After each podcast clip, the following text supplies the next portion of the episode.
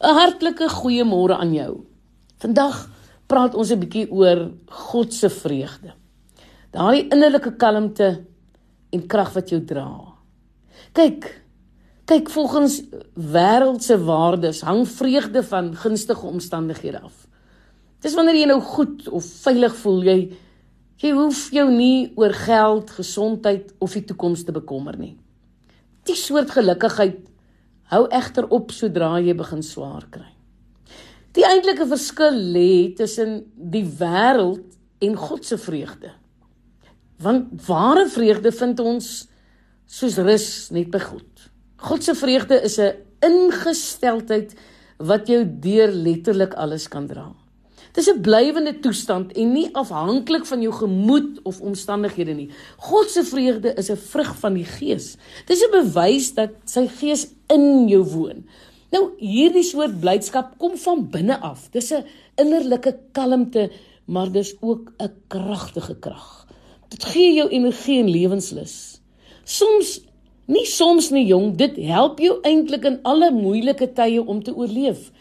Jy raak al hoe meer bewus van God se krag binne in jou. En hoe meer dit gebeur, hoe makliker kan jy tot rus kom ten spyte van. Jy kan vreugde ervaar.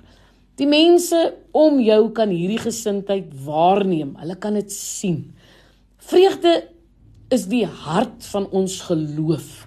Dis die geheim van die lewe.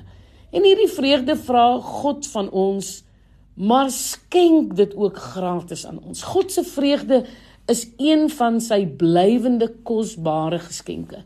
En net soos God se strome lewende water droog hierdie blydskap nie op nie. God is 'n God van vreugde. Hy is die bron van vreugde. Hy is vreugde.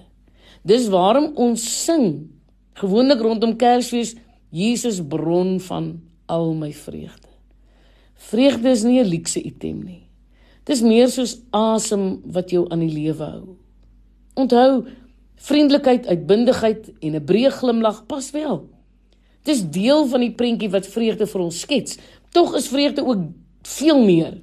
Vreugde is blydskap en opgewondenheid. Dis oor ons grootte God se goedheid wat hy so vrygewig deel en die Heilige Gees vervul ons met vreugde, blydskap en 'n positiewe uitkyk.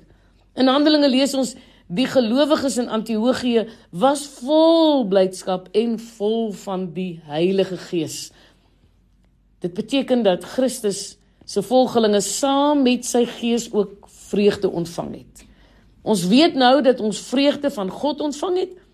Nou is dit moontlik om dit te verloor? Mm -mm. Jy weet dat niks jou van God se liefde en genade kan skei nie Romeine 8:28. Net so neem God nooit sy vreugde van jou af weg nie. Tog kan 'n mens jou rig op daardie vreugde draai, hoor. Jy kan toelaat dat dit tydelik gesteel word.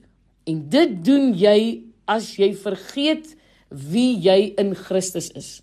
Wanneer die vrug van die Gees in jou lewe ontbreek, maak jy jouself ongelukkig. Gaan lees 'n bietjie weer Galasiërs 5 vers 22 oor die vrug van die Gees. Jy sien die vyand weet wat gebeur as hy jou vreugde steel. Hy steel jou krag in die Here en sonder God se krag kan jy nie jou potensiaal bereik nie. Vreugde is die resultaat wanneer jy aan God gehoorsaam is. Jy vind dit deur na God se stem te vra. Dan luister en doen jy wat jou Here vir jou vra. Dit gaan oor 'n ingesteldheid waarmee jy lewe. Jy steur jou aan God se beloftes en riglyne in sy woord. Jy skryf dit op jou hart en jy glo dit.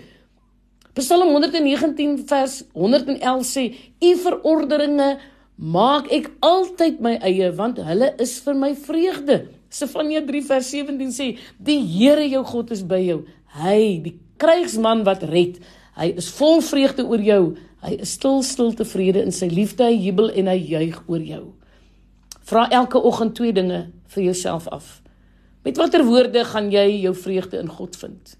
Hoe gaan jy dit gebruik om die dag se klein oorwinnings te behaal? Ja, die blydskap van die Here, dit is ons beskutting. Leef dit. Ek is Lenet Beer vir Radio Kansel.